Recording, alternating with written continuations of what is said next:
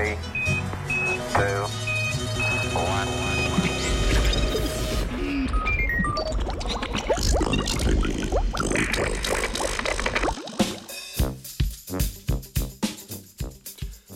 Prijazne opice.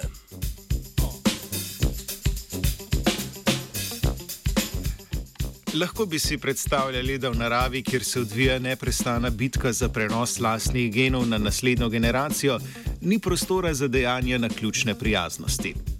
Če pa se ta že zgodijo, so zagotovo namenjene nekim ože sorodnim osebkom in nepopolnim neznancem. Kaj hitro bi tako prišli do zaključka, da smo ljudje edina bitja sposobna nesebičnega izkazovanja pozornosti do predstavnikov iste vrste, haha, od katerih ne pričakujemo ničesar. Vendar študija, ki so jo opravili raziskovalci iz, Amer iz Ameriške univerze Duke, nakazuje, da se takšno vedenje pojavlja vsaj še pri bonobih.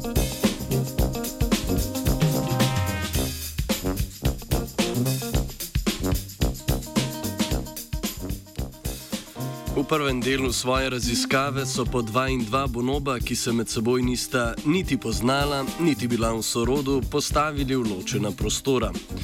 Med obema prostoroma je bilo na verigo privezano jabolko, tako da ga ni mogel doseči noben od njiju.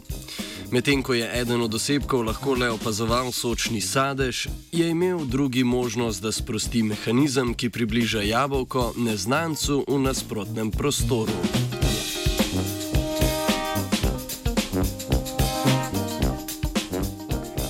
Prijazna opica je morala za to nesebično dejanje opustiti igro svojo najljubšo igračo ter priplezati do omenjenega mehanizma, obenem pa za svojo požrtvovalnost tudi nikakor ni bila nagrajena.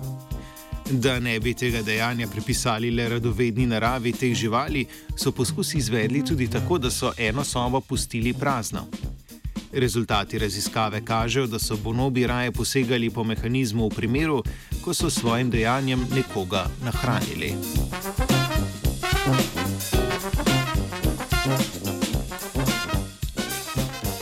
V sklopu iste raziskave so znanstveniki opravili še en poskus. Bonobom iz zavetišča v Demokratični republiki Kongo so predvajali videoposnetke njihovih ožjih sorodnikov, kot tudi posnetke bonobov iz enega izmed ameriških živalskih vrtov. Osebki na posnetkih so bili predstavljeni v dveh stanjih: med zehanjem ter z neutralnim izrazom. Zehanje je tako kot za ljudi nalezljivo tudi za bonobe. Kako močno je nalezljivo, pa je odvisno od socialne vezi med osebki. Ko so raziskovalci primerjali frekvenco zehanja testnih osebkov, ta ni bila odvisna od tega, ali se je na ekranu pokazal znan ali neznan obraz, kar nakazuje na enako mero povezanosti s pripadniki lastne, kot tudi popolnoma tuje skupine.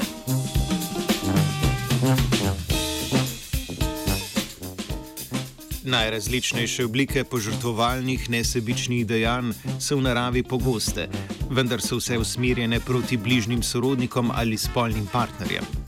Predstavljena študija nam podaja zanimiv pogled na razvoj altruističnega vedenja do popolnih neznancev. To vrstno vedenje naj bi se pojavilo, ko prednosti povezovanja z neznanci pretehtajo njihove slabosti, kot naprimer izguba okusnega obroka ali tveganje spopada. Te prednosti se v primeru bonobov lahko pokažejo, če upoštevamo socialno strukturo njihovih skupnosti. Ko samice bonobov dosežejo spolno zrelost, te zapustijo lastno skupino ter se odpravijo v iskanje nove tuje skupine in prav tu prijaznost ne more škodovati.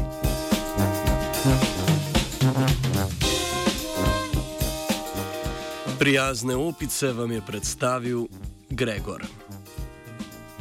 Rezi Radio, no? Dei Rezi, Rezi Radio. Eh, eh. Cosa?